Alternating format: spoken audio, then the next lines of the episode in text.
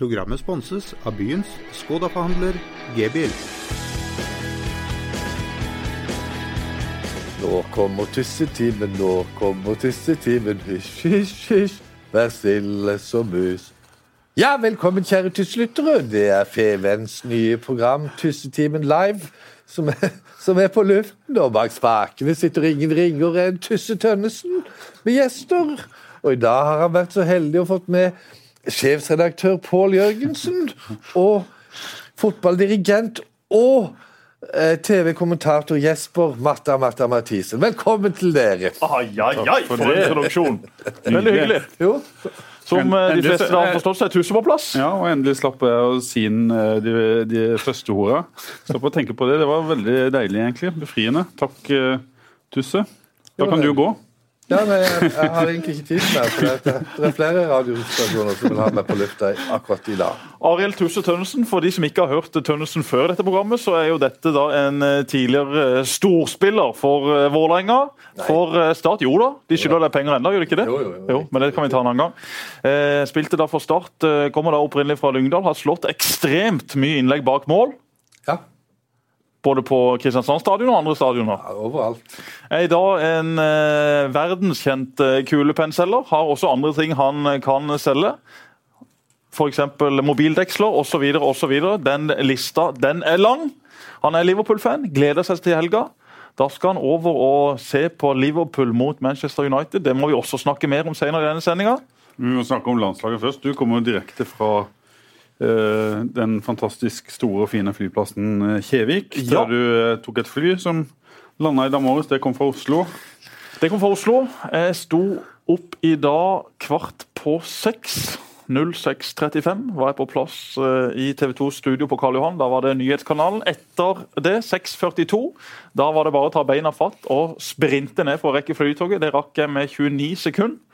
Og Så var det ut til Gardermo, der jeg måtte krangle meg forbi både den ene og den andre køen. Rakk flyet i siste sekund. Så jeg kom akkurat til Kjevik, og det var godt at eh, noe gikk veien på denne turen. For det er klart at det var ikke sånn kjempeunderholdende det vi var vitne til mot en av verdens dårligste fotballnasjoner. Det så ut som et publag. Det så ut som et andre tredjedivisjonslag. De så fryktelig slitne ut allerede etter oppvarminga. Men de klarte å skåre et mål. Og for meg så var det faktisk kampens høydepunkt.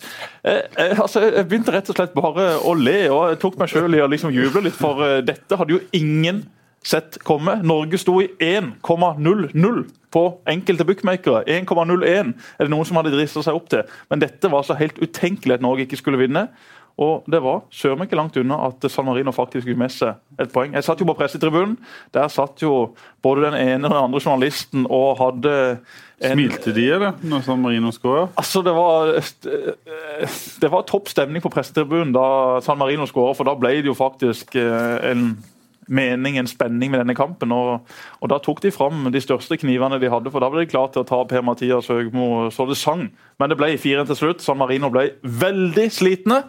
Og Norge vant jo selvfølgelig fullt fortjent, men det skulle da også bare mangle. Hva tenker du om landslaget nå, Tusse? Du følger jo godt med. Ja, jeg følger med på mye altfor mye fotball ifølge kona, men, eh, men, eh, men eh, jeg syns det har vært fryktelig, for å si det rett ut. Jeg ser- alle kamper og har alltid, så lenge jeg har levd, gleda meg til landskamper. Men nå, nå gleder jeg meg nesten til å legge ned landslaget og, og ha klubbfotball, for det har vært Jeg syns det er tamt å se både, både det ene og det andre landskamper, faktisk. Jeg syns det er mer sprut i Men U21, det var, det var gøy å se på. Den så jeg. Med Mathisen som kommentator. Det var, det var, det var eh, veldig mye gøyere å se på. De slo altså Kasakhstan, og nå skal de da spille playoff, der det er fire lag som er kvalifisert. Eh, Spania er et av lagene, håper Norge unngår det. Da er det altså to dobbeltkamper som skal spilles. A og B mot eh, holdt på å si C og D av disse fire lagene. Og vinneren av disse dobbeltkampene går da til EM. Det blir klart fredag hvem Norge møter. Er det Serbia, Østerrike eller Serbia, Sveits? som er Østerrike. Østerrike Østerrike. og Serbia som er de to andre lagene. En må vel håpe at de unngår Spania, så kanskje vi får et lite mesterskap i, er det i Polen neste sommer. Polen er vertsnasjon, og det er jo et meget spennende lag. 2013 tok jo Norge bronse for U21. Vi husker jo det, alle vi. Dette er jo den beste opplevelsen vi har hatt med et uh, norsk herrelandslag eh, på, på mange mange år. Og vi har Martin Ødegaard, Gias Sitt bronselag i 36, var det det? Det er godt mulig. Ja. Det er godt mulig. Det var du akkurat født. Pappa har prata mye om Pappa det. mye om Og de som vant bronse i U21, er jo mange av de som spiller på A-landslaget da, så de har jo ikke klart å videreføre noe arv, da. Det kan jeg vel eh, trygt si. Eller Nei, da, de, har, de, det har, de har etablert seg på A-landslaget, men de har liksom ikke klart å tatt det videre på et nivå opp. Så får vi se om, om disse gutta, Martin Ødegaard, to mål, én assist, hva hva er forskjellen på lagene i disse situasjonene. og jeg synes det er merkelig at ikke han var med til Baku da vi møtte Aserbajdsjan. Han skulle kanskje ikke starta kampen, men at han kunne bidratt med noe 15-20-30 minutter på slutten mot eh, et slitent Aserbajdsjan på en eh, tung og glatt bane. Selvfølgelig kunne han gjort det, men i stedet for så satt vi altså inn på spillere som hadde null og niks. Sørloth å videre med. Sørloth- Sørloth var jo ikke helt heldig i den kampen. men... eh, Nei, men altså, Vi må jo ha spillere på benken som har andre ferdigheter enn en de som er på banen, sånn at man kan endre et kampbilde. Og Når man da for i den kampen bytta Per Siljan med Stefan Johansen, eneste forskjellen er at han ene er høyrebeint og den andre er venstrebeint. Det er jo da man skulle hatt noe annet å sette inn. Med all respekt for Ruben Yttergård Jensen og Jonathan Parr, men vi skulle jo heller hatt med noen av disse gutta på U21-landslaget for å kunne bidratt for at Norge skulle kommet seg litt nærere toppen i denne gruppa og vært i nærheten av å komme seg til VM. Men hva skjer nå?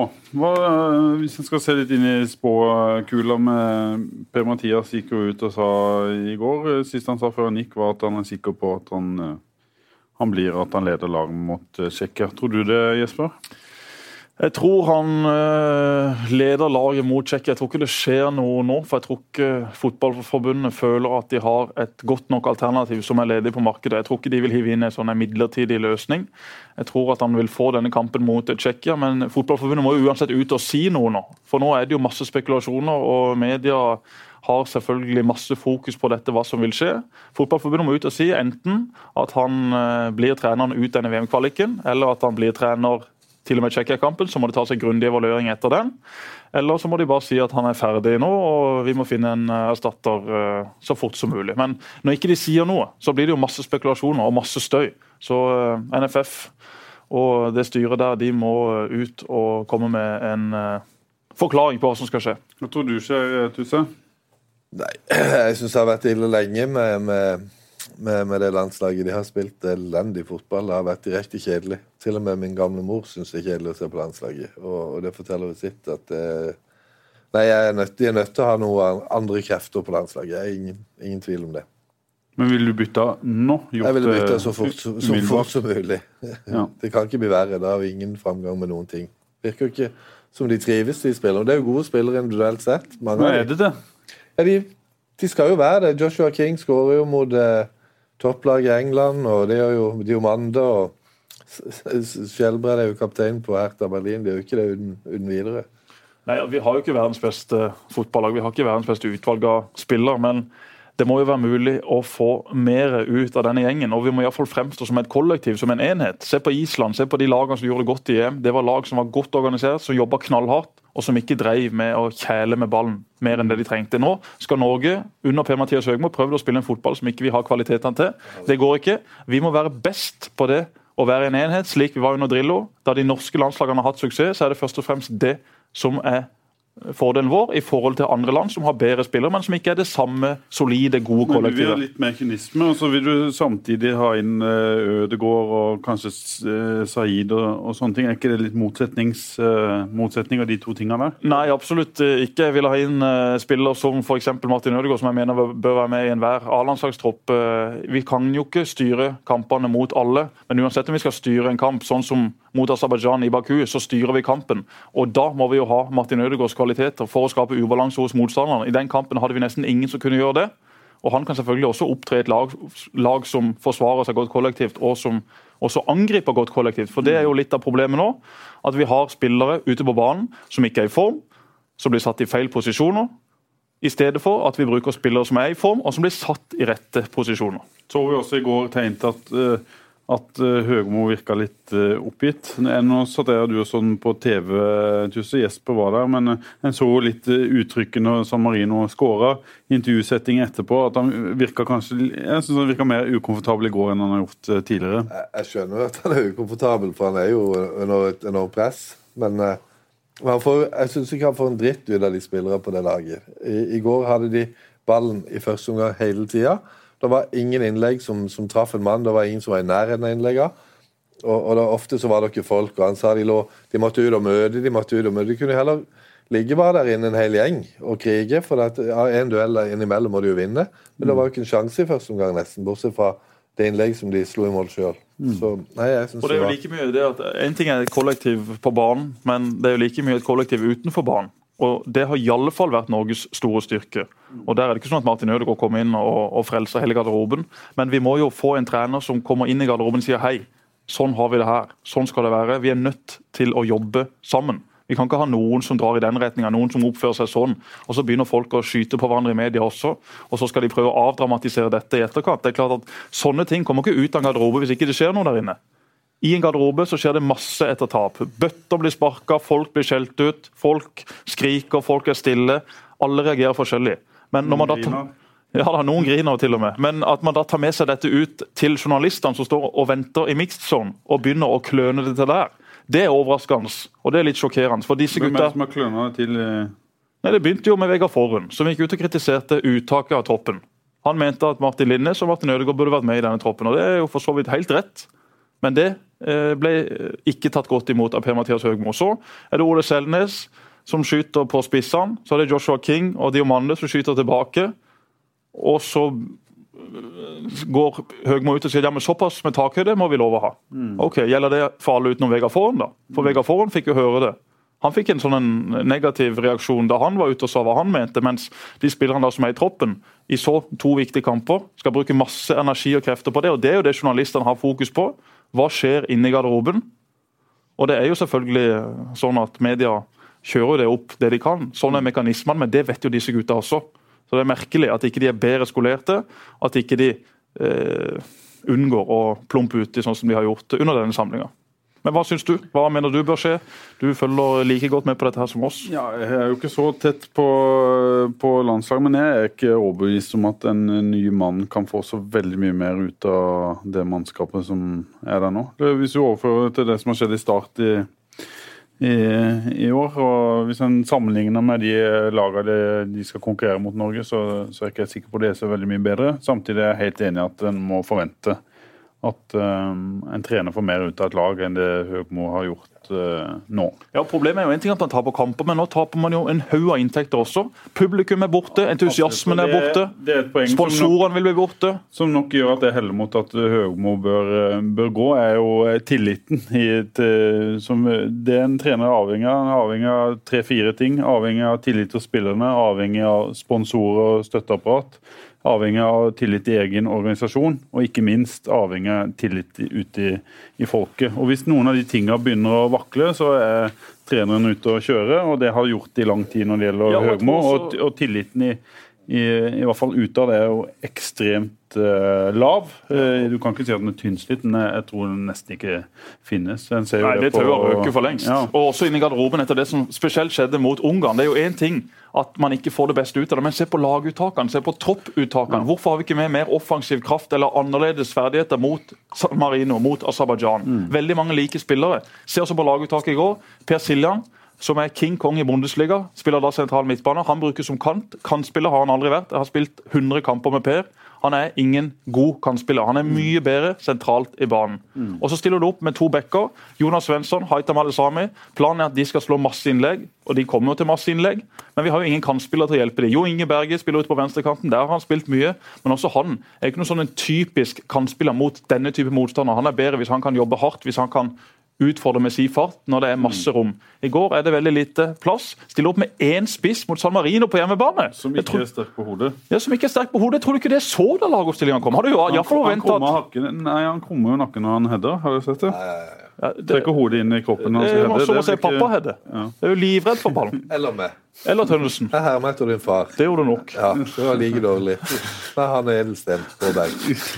Vi må snakke om noe hyggeligere, må vi ikke det? Jo, det var landslaget. Ferdig med det. Ja. Tsjekkia, neste match. En seier der, ja ja, så er Norge tilbake i denne kvaliken. Men jeg har null tro på Per-Mathias Høgmo sitt prosjekt, og jeg har null tro på at Norge kommer til VM. tror Høgmo leder mot Tsjekkia, så er han avhengig av festfotball og kanskje er 5-0. Dette er dere i gang med landslag igjen. Kan dere tenke dere noe kjedeligere? Må vi kutte ut det der vaset? Det skal vi gjøre. Ja. Hva skal vi snakke om Start?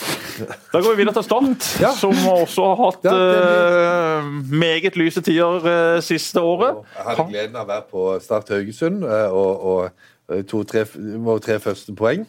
På, altså, Det var god stemning. Vi har holdt på over et år, Jesper. Vi har Ja. hatt, Hvor mange programmer har vi hatt? Noen Nei, vi er vel nærmest 40 nå. Vi nærmer oss 40. Vi har jo da fått én statseier i løpet av Gratulerer. disse Vi har omtrent ett et program per startkamp, og vi har altså fått én Ja, vi har en seier mot Jerv også. Ja, det Den må vi ikke glemme. To seire har vi hatt siden vi begynte dette middels Jeg var faktisk med live i Grimstad når vi hadde førpremiere før Jerv Start. Var vi ikke det? Jo, Jo. jo. Vi var i, i, i Grimstad. De eh, Start spiller mot eh, Tromsø. Er det, nå handler det vel om å, å bare spille for æren og ødelegge for de som kan rykke ned. De kan få en veldig viktig rolle i nedrykksstriden. Det er jo litt spennende. Møte. Både Tromsø eh, Nei, eh, Lillestrøm, eh, Stabæk og Mot Tromsø. Tromsø. ja. Ja.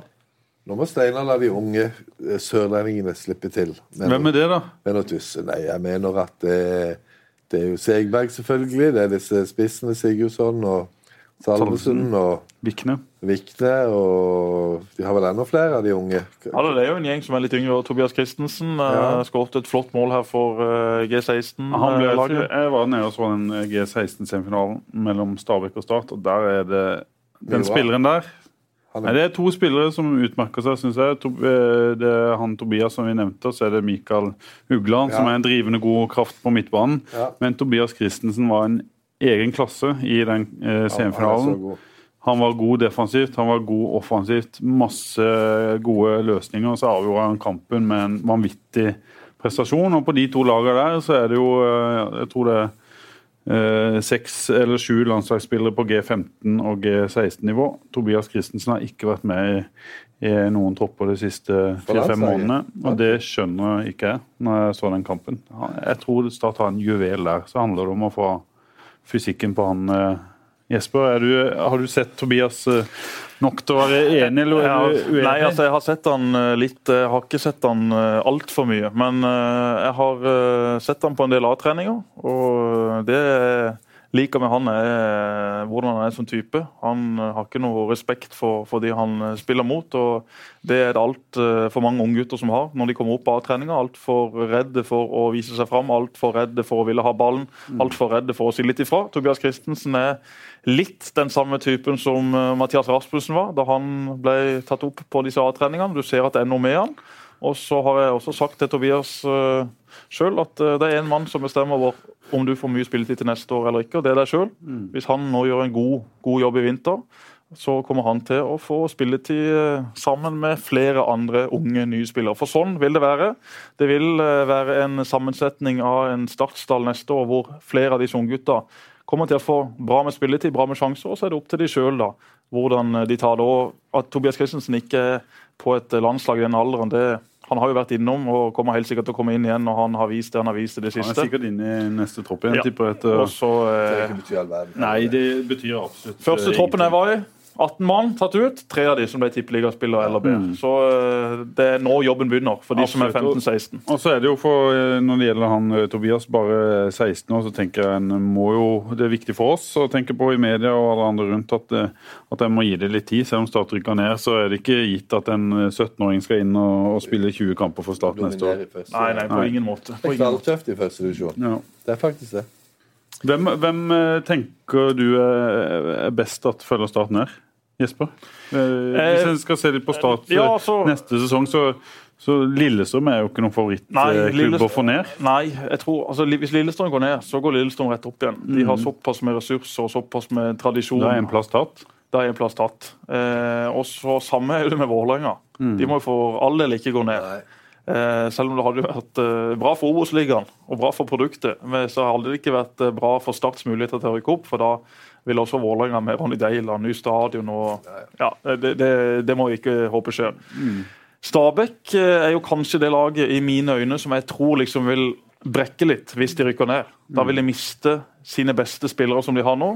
Flere av de gutta som er der nå, er på relativt høye kontrakter. Og det vil ikke Stabæk ha råd til i Obos-ligaen. Det er en del av de som har kontrakter som også går ut. Ja, de mister bl.a. Keita nå etter sesongen osv. Så, videre. så er det Ålesund. Ålesund litt det samme som Nei, Ålesund er, Nå tegner jeg en kurve med han her. De har jo en eh, sånn en kurve de siste fire-fem åra etter at Rekdal eh, gikk De har det. de har det. eh, synkende. Samtidig så har jeg mer tro på at Ålesund kan ha et slagkraftig lag til neste år, enn jeg tror Stabæk ville hatt det i en førstedivisjon. Mm. Men eh, Bodø-Glimt er jo også involvert der nede. De, også vet vi jo, de er jo et lag som for så vidt har vært vant til å rykke litt opp og ned. og har. De har fått det til. De har jo, mange tenkte vel at Bodø-Glimt og Start kanskje var på samme nivå eh, eh, før sesongen, men de har jo overraska positivt, selv om de fortsatt er blanda inn i Absolutt. tror. Du ikke Bodø-Glimt er det beste laget å få ned? Jo, sånn kvalitetsmessig, men De har samtidig ikke- har de en spillestil, innarbeida spillestil og spillere som vet hva de skal gjøre, og samtidig har de eh, fire-fem store talenter som har fått spille mye og gjort eh, veldig mye bedre i Eliteserien enn Start sine talenter, f.eks. Ja. Eh, Glimt, så jeg, jeg tenker at det er en, en klubb kanskje på vei opp. Og hvis de må ned et år, så blir det ikke noe spesielt dårligere neste år enn, enn de har vært i år. Nei, og Så tror jeg jo ikke at Stabæk rykker ned heller. Jeg tror Stabæk tar de poengene de skal ta på Jeg tror Lillestrøm rykker ned. Det tror jeg kanskje du Jeg tror også det. Jeg tror også det. De møter Brann borte på søndag. Mm. Det blir jo en eh, krig av en kamp. Arne Erlands mot Lars Arne Nilsen. Sølv på Brann. Nedrykk på Lillestrøm. Dette blir et eh, Men du, drama. tror vi at. Start kan avgjøre hele, hele nedrykksstriden her, eller? Ja, altså Hvis vi da tar de kampene som gjenstår for Start. eh, Hjemme mot Tromsø, borte mot Lillestrøm, hjemme mot Brann og borte mot Stabæk. Eh, Det kommer noen poeng, startpoeng i løpet av de kampene her. Det gjør tror jeg. det gjør det. Helt enig. Så er spørsmålet hvor de kommer. Ja, Men det er jo ikke sånn kjempespennende å prate om dette heller. Må vi ikke videre på uh, Obos? Programmet blir sponset av byens Skoda-forhandler G-bil. Jo, vi må Vi må- videre på Obos, eh, Tusse, din gamle klubb eh, Jerv. Ja. Først, Du hadde jo et radioshow i sommer. Ja, vi hadde, vi hadde Jeg ble oppfordra til å ha en, en reunion med Tussetimen i Grimstad. Og det var da på, på eh, Vi hadde jo selvfølgelig selvfølgelig må først forklare hva Tussetimen er. Tussetimen var eh, Navnet mitt eh, eh, Pål Yngve Berg, som var Jervs gamle kaptein. Han, eh, han var hadde en fetter som heter Audun Berg. Og, og, og jeg var vel litt vimsete i, i barndommen, som jeg sikkert eh, kanskje kan være innimellom. Du har ikke vokst, du har ikke vokst det fra deg. Ikke helt. Jeg er blitt litt eldre, men jeg har ikke merka noe til det. Men eh, det jeg skal si var at eh, da var vi og spilte bowling, og han var litt sånn eh, prippen-kar. Og Tusse var Tusse, og vi spilte bowling. Jeg slo han alltid i bowling, og så skulle jeg skrive inn navna. Og så skrev jeg Anton Berg istedenfor Audun Berg. Og da ble jo han fly forbanna, for å si det rett ut. Og da kalte han meg noe stygt, og så sa han 'din tusseladd'. Og ifra da eh, fikk jeg navnet Tusse. Og jeg var jo litt eh, Vi drev butikk og hadde mye moro i Grimstad. Og så kom redaktøren som sa han, Tusse, du, du høres ut som en mann som kan ha et eget radioprogram her i Grimstad. Eh, Da spilte du Jerv. da spilte jeg Jerv. Ja, ja. ja og så, så sa jeg ja, ja. Og så hadde jeg en kamerat som var diskjockey, som var veldig flink, som ble i MTV eh, Skandinavia-sjef etter hvert, så han ble jo anerkjent eh, etter Tussetimen. Men vi hadde iallfall radioprogram i noen år i, i Grimstad. Men i, i sommer så ville de ha Det ble populært blant studentene i byen. Eh, Veldig populært. Så det var fra seks til syv hver onsdag. Det var sånn der vorspiel-radio med Det var ingen som visste hva de fikk, så det var, det var, det var, det var litt mer Det, det kom uforberedt. Vi kom veldig uforberedt, men vi hadde alltid noen stikkord i hodet. Ja. Eh, så så som Mathisen han er på TV. Ja. Hadde ingenting med, det, det satt bare i hodet. Og, og det, det tar litt tid å prate en time hvis du bare skal ha visvas. Men eh, Og så hadde jeg en reunion nå i, i sommer. vi, ja, vi hadde veldig vellykka reunion. Eh, det var Skyland Live show. Live show på Skyland. Det eneste problemet var at mikrofonen ikke virka ordentlig. Men eh, ingen, alle hadde hatt det storartet. Omsetningsrekord i baren. Omsetningsrekord i baren, men det morsomme var at jeg har en nabo som er milliardær fra, Stavanger, og han, eh, de kom. Han heter Harald Espedal, og, og, de satt utenfor to øl, og så var det varmt og fint, og så gikk jeg ned før det begynte, og så satt, satt jeg meg ned, og så sa det eh, med kona til Bjørn, ekskona til Bjørn Maas, eller hadde vi litt celebre gjester som, som var kommet bort. Og Jesper skulle jo vært der, men han, han eh, glimra med sin far. jobb. Han måtte på jobb. Men iallfall så, så satt vi der, og så satt vi ute, var masse liv i gatene i Grimstad. Og så, så sier han eh, Espedal til meg, så sier han "T- Tusse? Ja, sa. Var du veldig populær når du bodde i Grimstad? Så sa jeg nei, jeg var ikke, ikke sånn. Vi var jo populære, vi var jo brukbare i fotball, så det var jo sånn i den tida. Ja, for snu deg, sa han. Ja, så snudde jeg meg, så sto det 25 stykk med, med Tussetimen live-T-skjorte i, i, i Grimstad. så det ble jo litt vittig. Det var Rune Borgen, og det var Kjell Egge og Pål Yngve Berg og gamle startspillere, flere av de. Og så, men så, så ble det da en helaften. Eh, Og ny omsetningsrekord, så de vil gjerne ha Tussetimen om igjen. Men du vet, du kan ikke gjøre sånne mange ganger. Men uh, iallfall så fikk jeg melding av Rune Borgen dagen etterpå der han skrev eh, Tusen takk for en hyggelig aften. Jeg håper det, det var veldig moro. Eh, det eneste problemet var på vei hjem, så, så, eh, så ble jeg rana. Og så sier jeg ja, du skal få penger. Nei, nei, nei, det er ikke penger vi vil ha. Vi vil ha Tussetimen-T-skjorta! det var litt vittig. Nei da, det var, det var veldig var gøy, det. Men dere hadde jo også et, Vi sitter inne i et glassstudio. Dere er jo satt inne i et uh, lite studio da dere hadde Tussetimen, og det ble servert både øl og røyk. Nei, Vi serverte oss sjøl med både øl og røyk. Akkurat. Eh, Det er klart Vi hadde en del nerver før eh, vi gikk på lufta. Det var, var mange som skulle høre. Men eh, problemet var jo at eh, Norea-magasinet de kom jo klokka syv, og Tusenstien var ferdig klokka syv. Så fem på oss spilte vi musikk. Eh, Men de kunne ikke se hverandre. De hadde litt problemer, for det var litt røykfylt og litt ølkork og sånn. Det var jo ikke akkurat deres gimmick. Men eh, de klagde til redaktøren, og redaktøren eh, følte det var et veldig problem, for Tusenstimen kunne ikke ta seg av lufta. Men, eh, men han flytta Norea-magasinet til tirsdag, sånn at eh, de fikk ei uke på å lufte ut av rommet. Da gikk det. Da gikk det. Her inne er det ingen eh, øl og røyk. Men du, på den tida, hvor, eh, hvordan var det å være fotballspiller på, i, på høyt nivå i, i Grimstad? Var det liksom Følte dere litt som helter? Vi var konger. Ja. Nei da, ja, vi var jo det. Savner du den tida, eller? Absolutt. Hver dag. Ja. Men, eh, men nå er jeg for feit til å spille fotball. Men så- hvordan hvordan var det? Var det damer liksom dere La meg si det sånn, det var pik og vin og sang. Ja.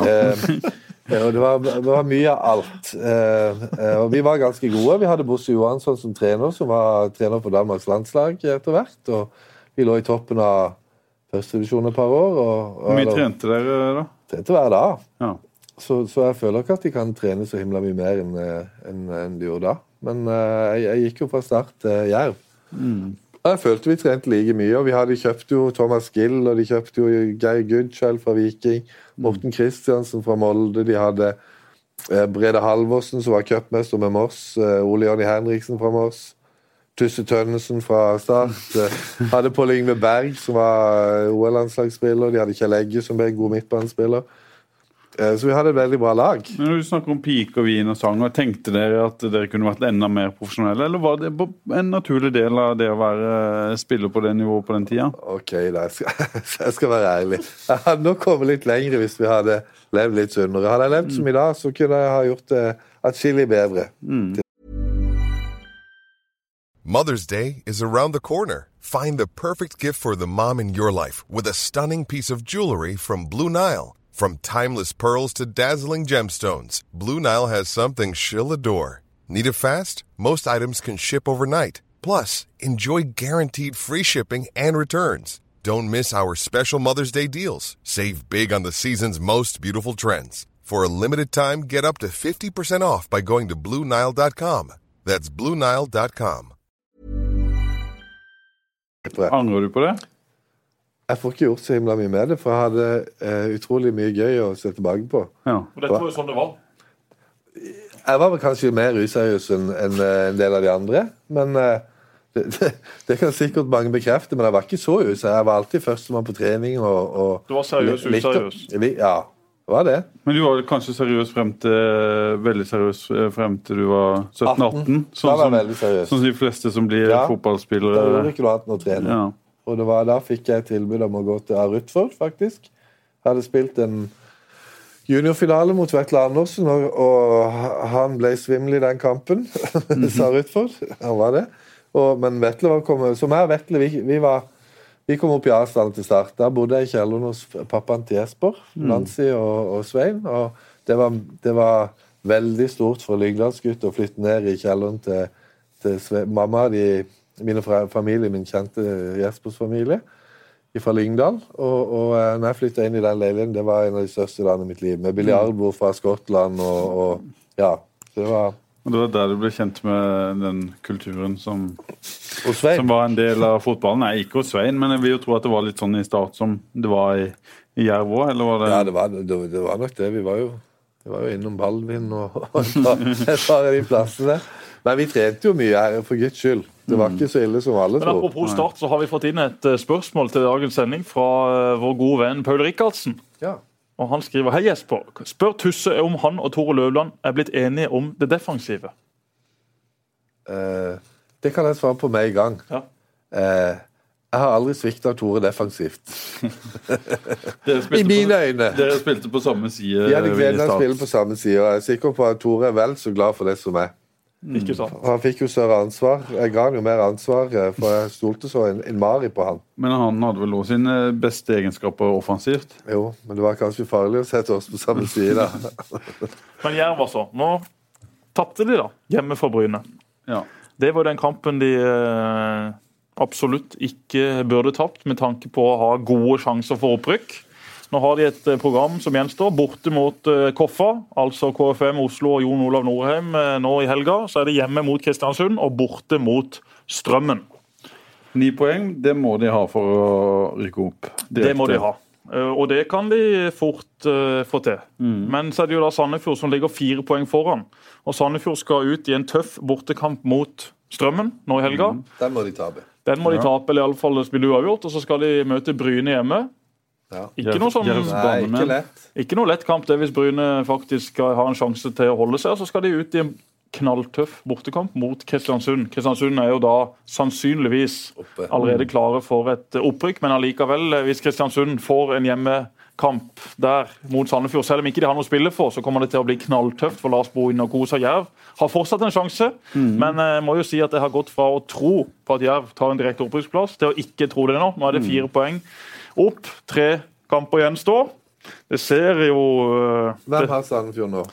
Sandefjord i helga borte mot Strømmen. Espen Olsens Strømmen, som har hatt en imponerende sesong, ligger jo like bak disse kvalikplassene. De var vinnende for å ha heng på, på de lagene som er foran. Jeg så Strømmen mot Fredrikstad. Jeg syns faktisk de var ganske bra i den Strømmen kampen. var eh, veldig god i den kampen. De var det. Så eh, ser ikke bort fra at det kan bli. Men vinner de den, Sandefjord, da skal mye Ja, da skal mye gjøres. Da Men så blir det jo gøy med Jerv hvis de ikke klarer det òg, for da skal de jo ut som i fjor, i en playoff, da, eller en eh, kvalifisering, som det heter først, og så en mulig playoff mot et eliteserielag eh, senere. Eh, det hjelper vel å ha litt erfaring fra det de var gjennom i fjor? Ja, selvfølgelig. Det var en erfaring eh, de eh, De vil vel være favoritten til å komme i en ny playoff-finale hvis eh, de ikke går direkte opp? Ja, det vil de. Samtidig så har jo et lag som eh, Mjøndalen eh, hatt eh, veldig stigning eh, etter at de i begynnelsen, av sesongen skulle prøve å spille en helt ny type fotball. De skulle prøve å spille fotball langs bakken, prøve å spille en veldig flott fotball. Det hadde de ikke mannskap til, så de gikk tilbake til basisen. Og etter at de gjorde det, så har jo de vært et av de aller, aller beste lagene i Obos-ligaen. I tillegg Sandnes Ulf, også en veldig svak start, eh, men har virkelig våkna. Så om Jerv kommer da til en eh, kvalifisering, så blir det ikke lett, altså. Både Sandnes Ulf og eh, Mjøndalen, og også Kongsvinger, som det ser ut til å bli, er, er sterke lag. Så i mine øyne er her, eh, de fire lagene der tøffere enn den gjengen. Jerv møtte i fjor. et spørsmål. Ja. Hvis Jerv blir nummer tre, Ja. da møter de nummer seks. Yes. Og hvis de vinner den, er det hjemme borte, det? Nei, bare hjemme. Bare hjemme. Yes. Og så er det Så får de ny hjemmekamp. må- Ja. For da, hvis de blir nummer hvis tre. de blir nummer tre, det er viktig å bli nummer tre. Veldig viktig. to De får to hjemmekamper. Og De har fire poeng ned til Sandnes Ulf og Kongsvinger og Mjøndalen. Så de har den den også- luka. Vinner de nok, så får de iallfall det. Ja, Ja. Det, det, det vil de gjøre. Og det er jo en kjempefordel i en kvalik at de får det hjemmekamp både i den første og i den andre. Hadde borte i fjor i begge. Ja, vi hadde det. Og da husker vi alle da Alexander Lind, eh, som nettopp var gjest her. Veldig hyggelig at han stakk innom da han løp med denne skjorta og viste fram eh, en av de bleikeste overkroppene jeg noensinne har sett. Og Jeg har sett mye bleike overkropper, altså, både i og utenfor en fotballgarderobe, men Alexander Lind burde i aller høyeste grad fått seg et solpass på brun og blid. Spørs om ikke den bilen han pleier å kjøre med til Grimstad, burde tatt og spandert på han det. Har du sett Alex Lind hvor bleik han er? Slutt å mobbe, Mathisen. Eh, Nå skifter vi tema. Tusse er programleder. Eh, Og hvem holder Alexander Lind med i England? Alexander Lind holder med Jordan Henderson. For Jordan Henderson og Paul Pogba er like gode fotballspillere! Det mener Alexander Lind! Mannen er hjernevaska, slik som mange andre Liverpool-supportere rundt dette bordet. Skal ha to på Liverpool United. Jeg skal ikke. Både Arild og Paul skal over til England i helga og se et skikkelig haraball, et oppgjør. Hvorfor snakker vi om eh, lands, norsk landslagsfotball, Start og Jerv, når vi kan snakke om de røde gullgutta Og vi må snakke om det som er i nærheten først, og så kan vi ta steget over til England. Vi hadde den diskusjonen sist òg. Vi må slutte å tro at engelsk fotball er så himla mye gøyere enn Jerv, Start og landslaget. Det er gøy alt sammen. gir engelsk fotball deg mer enn norsk fotball? Dessverre mye mer. Hvorfor det? For at jeg, har, jeg lærte min engelsk med å høre på BBC. Eh, skurrete BBC da, som syvåring i, i, i Lyngdal. Det var det største som var. Av og til så ble det store målsjanser. Så, så var uh, forbindelsen så dårlig at jeg fikk det ikke inn. Du blir sur hvis Liverpool taper, du. Jeg blir sur i fem minutter. Jeg hadde Mathisen på Liverpool ManU. Han kan komme til meg når han vil, men aldri på de kampene. Det ga altså så dårlig effekt at det var, vi tapte. Og han var, ikke, han, var så hå- håndmodig at, eh, at det var vondt i meg og Mathias. Jeg har en sønn som heter Mathias, og han var Pappa, vi kan aldri høre Jesper på kamp eh, når Liverpool og ManU spiller. Aldri, Helst ikke Liverpool-kamper i det hele tatt. Men nå vinner de jo serien. Det har jo jeg spådd eh, før Ja, men jeg tror så eh. Før Å, har vi det? eh, Ja, men sesongen. det vedda jo før sesongen. Jeg hva har- vi for noe? Nei, jeg har en, eh, jeg har en eh, tier på at United kommer over Liverpool, og du har motsatt. Ja. Da så du taper, Jesper, selv om jeg holder med United. og Jeg tror de får bank også på mandag. Eh, Det laget har jo ikke satt seg, men det har jo Liverpools eh, lag gjort til de grader, Tusse. Det være gøy ja. å se på det. Ja, Det har vært en fryd, eh, bortsett fra en kamp. så har det vært, og Kanskje første omgang mot Swansea var jo litt eh, skuffende, men, men å spille borte mot Swansea som de gjorde nå, som er i poengnød totalt, og de er egentlig et brukbart lag Vi lå under 1-0 til pause og snudde det i andre, var det sånn? Ja, så det totalt Ja. i andre. En ny kamp. Så de virker eh, totalt gjennomtrent og, og samspilt. Det lukter ikke Liverpool eller Tottenham i år nå. Jesper, to lag som hvis en ser på statistikk løper mye mer enn de andre, har litt annen spillestil. Litt som Barcelona, Bayern München, Dortmund-preg, eh, mens de andre Ja. engelske lagene henger litt Men eh, nå skal Så vel, nå skal vel verken Liverpool eller Tottenham sammenlignes med Bayern München, Barcelona en spill, Eller nå med Dortmund. spillestil Jeg- jeg- med, Jo da, spillestilen er sånn, men nå får vi se om de holder den ut sesongen, da. Mathisen Dortmund kom- i fjor. Jeg så kamp, begge kampene. Ja, Det er jo det som er mitt poeng, at de lagene vi snakker om nå, er mye bedre enn det der eh, røddet som vi finner i Liverpool og Tottenham. Men de gjør det med, på en mer, mer riktig måte. De gjør det på en mer riktig måte, da. Gjør Ja da, de gjør det, Men så får vi se om de klarer å holde dette trøkket hele sesongen. Ja, det er viktig å se. Det Det kan komme skader. Eh, Det har jo blitt brukt eh, mot eh, Jørgen Klopp før. eh, At han har en spillestil som er umulig å opprettholde i 38 kamper. Så hvordan vil det da være når de får noen skader, når de blir litt mer slitne enn de er nå? Men jeg har sett Liverpool sjøl i år. Ekstremt imponert. Har vært flinke til å hente typer som passer inn i Klopps spillestil, og det er jo det viktigste. United har henta en haug av store navn. Brukt masse penger. Det kan de jo for så vidt, for de selger jo ekstremt mye mer drakter enn Liverpool. Så de har mye mer inntekt. Men allikevel. Liverpool har vært veldig nøye, veldig flinke og truffet godt på de gutta de har henta inn. Ja, de har det. Jeg tror, jeg tror jeg får meg en skikkelig skuffelse på mandag. Men det er kanskje bare sånn Ja, eh, men- forsvarsmekanisme. Nå, nå holder vi med hvert vårt lag, og jeg, jeg, er ikke helt sikker på at jeg kommer til å gå glad derfra. Men Du er jo alltid sånn der pessimistisk, mens, mens innerst inne Jo, jo, jo. Nei, nei, nei. Jeg tror alltid mitt lag vinner. Du er, som, du er som farfar, du. Farfar hadde trodd at vi tapte for San Marino i går, han. og han hadde nesten fått rett. Kona sier jo det, Arild. Jeg håper ikke vi skal gå fra den kampen og, og, og det blir en skuffelse. Så sier jeg, men, det, men det, det er over på fem minutter, så det er greit. Ja, ja, ja. Det er greit. Vi går bare og legger oss, så det er ferdig. Men, eh, men eh, Men du har jo, du har jo eh, sesongkort på Anfield. Tusse har kjøpt det største, han, gjort den beste handelen i hele sitt liv. Fikk tak i fire sesongkort i år, og, og eh, ja. Gode plasser på den nye tribunen. Absolutt. Jeg håper det. Jeg har ikke vært det sjøl, men jeg har hatt uh, leid ut til noen eh, bekjente, og de har vært eh, godt fornøyd. Så nå selger du eh, både penner og eh, Liverpool-billetter. Jeg selger stort sett alt. Men hva annet selger du jobben din? Du er jo kjent for å være kulepennselger, men kan du ta oss gjennom litt av de tingene du faktisk selger til all verdens bedrifter? jeg jo altså i tusenvis sånne mobillommer til å lime på telefonen til Liverpool supporterklubb. Ikke for uke siden. Det var det gøyeste han jeg har gjort ute. ikke. Nei da, nei men akkurat den eh, Han har solgt til Liverpool supporterklubb. Ja, så jeg. De som er han medlemmer eller blir nye medlemmer, de kan få et eh, deksel, og da er det faktisk Tusse som har levert det. Det er helt korrekt. Over det ganske land. For det om Agder er mitt lokale distrikt, som Karsten sa. Eller i Kristiansand, som Karsten en gang sa.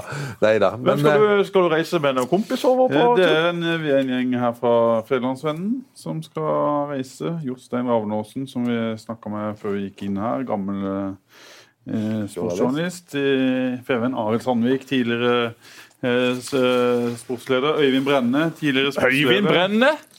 Så det blir En av sjefene inne i eh, VG er jo ekstremt god på tikka masala. Øyvind Brenne. Kjøper. Denne, litt- apropos reklame, kjøper denne pakka til Toro.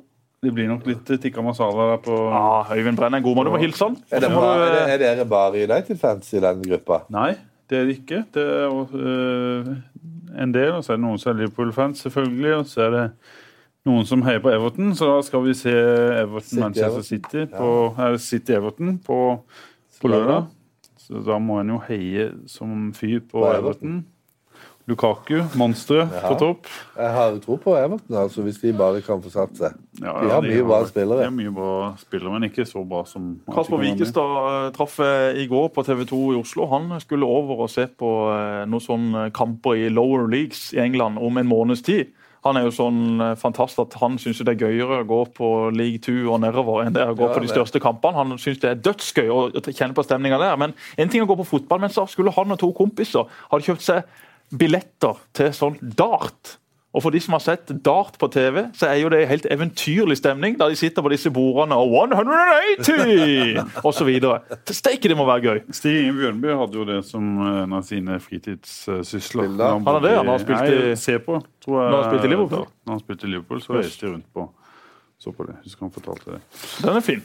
Så har vi også fått inn eh, noen andre innspill på vår eh, Facebook-side på eh, fotballradioen. Det var ikke sånn kjempemye respons. Jeg la det jo ut kanskje litt tidlig da. Folk hadde ikke stått opp. Alexander Lind hadde sannsynligvis i hvert fall ikke stått opp. Han pleier å stå opp sånn i eh, 11-12-draget, ta seg ei pakke med joikakaker og kjøre bort til Grimstad og gjennomføre ei trening. Eirik Skardal Ja. Han er jo kjent for de som eh, går på Spikeren treningssenter. Der har han vandra i eh, de siste 20 årene og kun trent brystkasse. Brystkassa begynner å bli ganske stor, men han spør. Tusse om han bruker Elnet Horseboy som han har rappa fra mora for å få krøllene sine til å virke mindre. Først må jeg vite hvem som spør, er det han halvfeite som trener der, som ikke blir bedre? Ja, det er korrekt. Ja, nei, det, det er helt riktig. Altså, jeg, jeg, var jo, jeg var jo født med krøller, og det, det, det har jeg blitt mobba fælt for opp igjennom. Så det har, vært, eh, det har jeg slitt med i mange år. Eh, Så jeg bruker Elnett, ja. Ja, Det gjør jeg. Bruker Elnet hårspray. Elnett, og gjerne mammas. Okay. Han, han kan være ti år eldre, men eh, Den funker. ja. Men var det ikke populært av krøller på 80-tallet? Litt sånn Jo, havrenakke altså, og jo da, jo da. Det, det er populært ennå. Ja. Og så får vi også- et spørsmål fra Per Kristian Engen, stor Start-fan, angående Fifa, som nå har kommet ut. Hva tenker du selv om at du hadde 93 av 99 i strength på Fifa? Tusse? Nei, det er absolutt ikke. Nei, nei, nei. Tusse hadde 90 i speed, han. Ja. Men hadde 10 i innlegg. Ja, la- Bare slutte med de innleggene mine. Det var ikke så mange innlegg bak målet. Jeg, jeg fatter ikke hvor det kommer fra. Nei, ikke heller. Jeg har aldri sett To et flott innlegg bak mål. Ja, men Jesper, hva, eh, nå må vi snakke om Ja, det. Du, altså FIFA. FIFA. Du hadde 99 i Nei, styrke. 93. På, 93? Har du hatt 99 òg? Nei. 99 er jo liksom toppen. Ja. Jeg hadde 93. Jeg var den 13. sterkeste spilleren på Fifa for to-tre år siden. Men helt ærlig, hva tenker du om det? det? Tenker du at det stemmer, eller tenker du at det var altfor mye? Altså, Jeg har jo aldri møtt en spiller som er sterkere enn meg sjøl, så ja, det stemmer. ut ifra de spillerne jeg Var det skuddstyrke? Eller Nei, det var fysisk styrke, altså balanse. Altså, det er klart at jeg har spilt mot Men tar du mye benkpress Ja, og sånne ja, jeg, ting? tok, jeg har tatt masse i benkpress. Jeg har tatt 150 i benkpress, men da veide jeg jo også 105 kilo. og Det er klart at det var veldig lite praktisk, så vi måtte kutte ut og trene det. Men jeg var Men du har aldri trent mye styrke ved overkroppen og sånne ting? eller? Jo, jeg har da for så vidt det. Men jeg har jo en sånn naturlig eh, styrke og balanse også i kroppen eh, som har gjort at jeg ikke har vært den som har vært mest i styrkerommet. Men eh, etter at jeg var mye skada i knærne, så måtte jeg trene noe, måtte få ut energien på noe. Da ble det ofte at man trente mye overkropp osv. Og så måtte man da kutte det igjen da man skulle tilbake på banen, for da må man løpe seg i form og må bli kvitt de kiloene. Ja. Men det var jo stort for meg etter karrierehøydepunktene. eh, Etter å ha vunnet Sebra Cup i eh, 1999, så eh, var det stort å få lov å være på den topp 20-lista rett overfor Zlatan på lista. Og gutta i garderoben vi fikk jo utdelt lista over alle spillernes eh, ferdigheter. Så vi lagde en liten sånn filmserie på ikostart.no. og det er klart at F.eks. Daniel Aase hadde vel 11 av 99 i sklitakling. Så han Stemmer de tallene? Har de ja, altså de, de har vel noen speidere, sånn som de hadde med Championship Manager eller Football Manager. Eh, så har de nok noen nordmenn som ser mye fotball, eh, som de får til å hjelpe de til å sette opp disse tingene. og Det er ikke noe tvil om at det er jo ikke noen sånne ting som, som er 100% men det er heller ikke noe som er helt, eh, sånn, helt vekke. Daniel Aase var den beste dribleren. Men var den, en av de verste til å forsvare seg osv. Så, videre. så de treffer ganske bra på, på disse tingene. og eh, de har helt sikkert noen systemer og noen folk de bruker for å få satt så riktige verdier som mulig. Og Du hadde hatt høyest tall på speed, eller? Var Det, det, som, det var ikke så himla mange, hvis jeg skal si noe, som, som løp ifra meg. Det var det ikke. har du sånn tall på det? 60 meter, 40 meter? Hver tall jeg løp, Ja. er 100 meter på 10,98. Gjorde du det? Ja. Ja, 70-60 meter på rundt 7 blank. Ja. Så jeg var kjapp. Alle, alle var kjappe hjemme hos oss Vi, vi løp 60 meter på 6,5 sekunder på ungdomsskolen, men eh, da hadde vi musikklæreren eh, som vikar i en time. Som tidtaker. Nei, ikke som tidtaker, men vi hadde musikklæreren som vikar. Og da, mens hun da gikk fra startstreken opp mot målstreken, så dro jo Mathisen med seg startstreken 10 meter fram. Så alle løp jo 50 meter. Og vi fikk jo fantastiske tider. De skolerekordene står jo på Oddemarka skole den dag i dag. De kommer jo aldri til å bli slått. Jesper Mathisen, 60 meter! Ei tid som ingen noensinne kommer til å komme i nærheten av før min sønn etter hvert da går på ungdomsskolen. Da skal Hvor rask, samme hvor trikset. var du, eh, Jesper, sånn eh, i en eh, klassesetting? I en klassesetting på skolen. Ja. Ingen som var i nærheten. Nei. Ingen som var i nærheten hele Kristiansand. Jeg var kretsmester eh, i Aust- og Vest-Agder. Altså, jeg sprang fra alt det som var da jeg var 10, 11, 12, 13. Mm. Men så røyk knærne, og så ble jeg aldri den raskeste igjen. Men, uh, Men jeg du var tror, Hvis kroppen din hadde fungert, så hadde du vært en rask fotballspiller? Ja, det Svein, hadde. Hadde, meg, Svein, din far sa til meg en gang at Jesper han har ikke kunnet løpt ordentlig siden han var 15-16 år. nei, det har jeg ikke. Det har jeg ikke. Kunne aldri løpe full styrke, sa Svein til meg på en fest jeg var med han på. På Liverpool-fest i? Hadde han promille? Nei? Nei, nei, han sa dette før det ble for det, galt. han fikk etter hvert. Han tok Ja. til og med en røyk sammen med den gangen. Akkurat, Men, akkurat. eh, Nei, altså, jeg hadde ikke vært den raskeste på banen. Det hadde jeg ikke, for er to meter høy og veier over 100 kilo. Så det er klart, det er ikke mulig. Men at jeg hadde vært raskere og hadde et helt annet steg hvis jeg hadde sluppet unna disse kneproblemene, det er jo soleklart. Og så eh, var jeg også kretsmester på 800 meter, da. Ja, men, Men jeg var veldig mye høyere enn alle de andre, så det skal også sies at jeg var tidlig fysisk utvikla. hvem, hvem eh, har best stats på hurtighet på start? Det var jo en eh, skikkelig eh, krangel der mellom Jibril Bojang og Uduak Idemokon, som eh, begge mente de var de raskeste. Jeg tror Uduak var litt raskere enn Jibril, så de har vel utfordra hverandre til en hurtighetstest. Det kan bli spennende. Det kan bli spennende. Er de, kjappe? er de kjappe? De er på Tønnesen-nivå. De er på Tønnesen-nivå. Jeg løp terrengløp en gang i, i, i Farsund. og da var det altså, Jeg må komme inn på det, for dette, jeg, var, jeg hadde jo, drev jo aktivt med friidrett da jeg var ung. Ja. Og da var det veldig mye tilskuere. Og så eh, lå jeg som nummer to, fighta med en. Jeg, jeg var faktisk eh, jeg, jeg var faktisk ganske eh, kondisjonssterk i, i de tider. Ja. Men så var det noen som, som ropte til meg, og det har vel noe med navnet Tusse å gjøre. Og så datt jeg rett og slett ned i bekken. Og når jeg skulle opp av den bekken igjen, så mista jeg buksa, så jeg løp naken i mål. Og da var mamma flau. Det ble nummer to. Ja. eh, jeg- Bojang mot uh, Ja, altså, eh, for, altså Det er jo to herlige, herlige typer. Glad i å by på seg sjøl. Ja, følelse at den ene har et enormt rykk, og den andre kanskje har en topphastighet som veldig få, få følger. Da tenker jeg at uh, Udjak har et veldig rykk raskt på de første meterne. Og så har jeg sett toppfarten til uh, Jibil. Uh, den, er, den er høy. Ja, de har eh, ekstrem fart eh, begge to, så det kan bli en tett og jevn eh, duell. Udvak eh, Jeg vet ikke om jeg har fortalt denne før, men han eh, var jo nede i Berte. så har vi, har vi tatt den på Nei, det tror jeg ikke. Nei, altså Uduak eh, var nede i Bertes. Og så hadde han snakka med Rolf om det liksom var vanlig i Norge å liksom fange fugler og sånn. Og Rolf sa ja, det, det, det er vanlig, for Rolf går jo på jakt.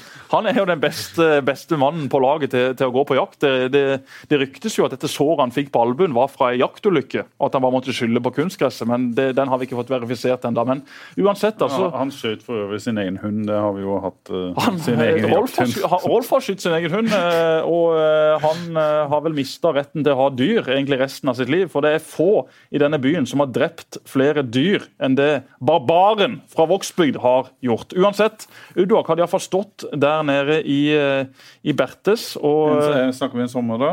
ja, vi snakker i sommer. Og så hadde han liksom eh, En varm sommer da?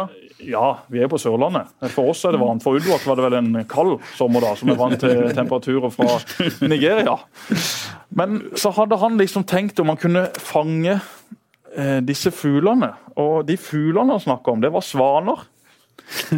Og vi har sånne felles meldingskontoer, og der kom det plutselig inn noen eh, meldinger fra Udvak. Eh, liksom eh, Rolf, eh, can I catch these birds in Bertes? Og Rolf sa liksom nei, jeg tror ikke det, og Rolf liksom trodde jo det var måker. Og så eh, kom det en ny melding etterpå liksom at Udvak hadde liksom prøvd å, å fange dem, men da hadde han jo sett at de hadde sånn en ring rundt foten. at dette var jo, dette var, Det var jo noen som eide disse fuglene, så, så de turte han ikke ta. Så Udvak var nesten sånn at han faktisk kom en svane over, eh, over nakken på vei ned til, til Sør Arena på trening, men han så at de hadde en ring rundt beinet. Dermed tenkte han ei, dette er skulle ikke han? min Skulle eh, spise den? Ja, eller? skulle spise. Skulle spise. Han eh, tenkte at uh, hvis Rolf kan gå på jakt, ja, men da kan jeg også. Vi må ha to ord om Udjak før vi gir oss her. Har du sett han spille fotball, Tusse? Det er han som kom i vinter, som ble skada. Han som løp uten såler i skoa. Ja. Ja, Han spilte vel litt i starten. ja, ja, ja, han var frisk, han. Jeg tror absolutt Start kunne ha, ha skapt mer målsjanser med han på plass. Men nå er han frisk og har begynt å, Han har begynt å trene. Han er mye bedre i foten. Han er jo ikke helt sånn 100 enda med tanke på hvordan han eh, beveger seg, men at han, eh, at han er blitt mye bedre enn det han har vært, det er soleklart. Så han eh, Blir han i Start neste år? Det, det jeg skulle spørre om, Du kaster fra deg alle startsokkene du har på deg, Jesper, eller hatten, eller hva vi skal si. Er det, er det en mann, hvis du hadde vært sportsdirektør eller sportssjef i Start, en, som du kunne hatt med deg videre? Ja, det er det absolutt. Eh, hvis han eh, blir eh, frisk i den foten sin, så er det en klassespiss i Obos-ligaen. Og spesielt da sammen med de andre spisstypene man har. Dennis Antvi, Lasse Sigurdsen, Lars Jørgen Salvesen. Det å ha hatt han også inn i den loopen der, og hatt han som et alternativ, er absolutt en ting jeg hadde tatt sjansen på. Hvis man ser klart og tydelig at det beinet funker. Det kan ikke være sånn at man har en spiller som ikke er frisk. Eh, Da er fotballen så brutal at da må en heller ta sjansen på en annen, noen andre. Eh, Så gjenstår det å se. da. Nå er det jo litt tid før sesongen er slutt, og den tida blir jo veldig viktig for Udvåg for å vise at hans fot begynner å fungere sånn som han skal. Og I vinter så var det jo han som skapte sjansene. Hadde Start hatt han i årets sesong, så hadde Start eh, stått med flere poeng enn det de har nå. For han kan skape uro mot enhver motstander. Så jeg håper jo at han blir frisk i den foten, og at han da eventuelt eh, kan, Kan få en, kan få en sjanse til. Men eh, det er klart at eh, vi må jo være så ærlige og si at det skal nok litt til for at man liksom føler seg 100% sikker på at den foten er så bra som han bør være. Han burde vel helst hatt en kamp eller to i Eliteserien eh, på tampen, men det rekker han jo. Nei, det tviler, det tviler jeg på han det tviler jeg på han rekker. Men det er altså en helt eh, fantastisk eh, flott gutt. Og jeg unner han alt mulig godt. Så det hadde vært så utrolig gøy hvis han hadde slått til. For da hadde det vært en gave både til Start, til supporterne og ikke minst til journalistene. For han er en skikkelig figur. Journalistene, de som leser, hadde vært en gave. Jo, men for journalistene òg. Ja, ja. Dere har jo ikke jobb hvis ikke noen som kjøper avisene. Da, må vi- da må vi jo ha noen som leverer sitater. Men helt sånn avslutningsvis, skal vi tippe resultatet på Liverpool-ManU? Det kan jo være litt gøy, så har lytteren noe å vente på. eh. Så kanskje noen hører på dette programmet etter at, eh, at kampen er spilt. Jeg tipper, eh, Da skal jeg tippe først. Jeg tipper 3-1 til Liverpool. Da. Og Mathisen. Jeg tipper 1-1. Og Tusse, han er, som du sa, pessimistisk som alltid. er tipper 4-0 til Liverpool. Til Liverpool. 4-0 til Liverpool. Og, Hva gjør du da? eh, og jeg kan gjerne, med litt tur, så kan det gjerne bli mer. Men jeg tipper fire. Vi stopper på det. Ingen mål imot. Første kamp Liverpool ikke slipper inn mål på i, i Premier League i år. De har kun to kamper uten skåringer imot, og det er mot Derby og Burton eh, i ligacupen. Men eh, ja. Skal vi tippe, på, start- at- tipper to resultat til? Start eh, Tromsø. Eh, 2-1 til start. 1-1 der også. Da har jeg tipper jeg 0-0. Og så skal vi ha KFM med KFM. Jerv. Jeg tror de eh, går på et nytt eh, tap og vinner 3-2. Tror du Jerv taper? Eh, jeg tror Jerv taper 2-1. For KFM? Ja. Jeg tror Jerv vinner 3-1. 3-2 til Jerv. Da sier vi det sånn. Ja, Sier men jeg har i dag? funnet de meldingene fra Udvak i den fellesmailen, så vi avslutter med de. Ja. Og Det starter med at Udvak har lagd sin egen fiskestang. eh, på et spyd med en sluk og et, eh, en, en hyssing som han har sua rundt, så står det 'Uduak are ready for fishing'. Det er ikke tull. Her snakker vi om kulturforskjeller. Ja, ja, dette er ikke tull. Dette er seriøst eh, forsøk eh, fra han. Og så sier da Gommi eh, 'Now no girls can escape from him'. Men det er jo ikke det han skal jakte. Og så sier Uduak 'Rolf, you said those white bird in the sea belong to nobody'. After catching them, I now saw a number on their leg. Og så sier Rolf, Nå begynner Rolf å få panikk, vet du. You cannot catch them. They just belong to the sea, and you cannot eat it. Audun Måkon, en herlig fyr. La oss eh, for guds skyld håpe at han blir frisk i den foten sin og kan bidra på en eh, fotballbane i nærheten av hvor vi sitter nå. Tusse, veldig hyggelig å ha deg på besøk. Jo, Det har vært fantastisk å få lov til å være sammen med to så hyggelige menn som dere to. Til lykke i England, begge to. Takk for det. Og Alexander Lind, du hører jo alltid på fotballradioen. Det var en ære å ha deg på besøk, og jeg ønsker deg til lykke mot United. Jeg gleder meg til å se midtbanekampen mellom to av verdens beste midtbanespillere. Jordan Henderson og Paul Pogba. Og helt til slutt, som programleder i dag, så alle som har vært innom Tussetimen og fotballradioen, er vinnere. Takk!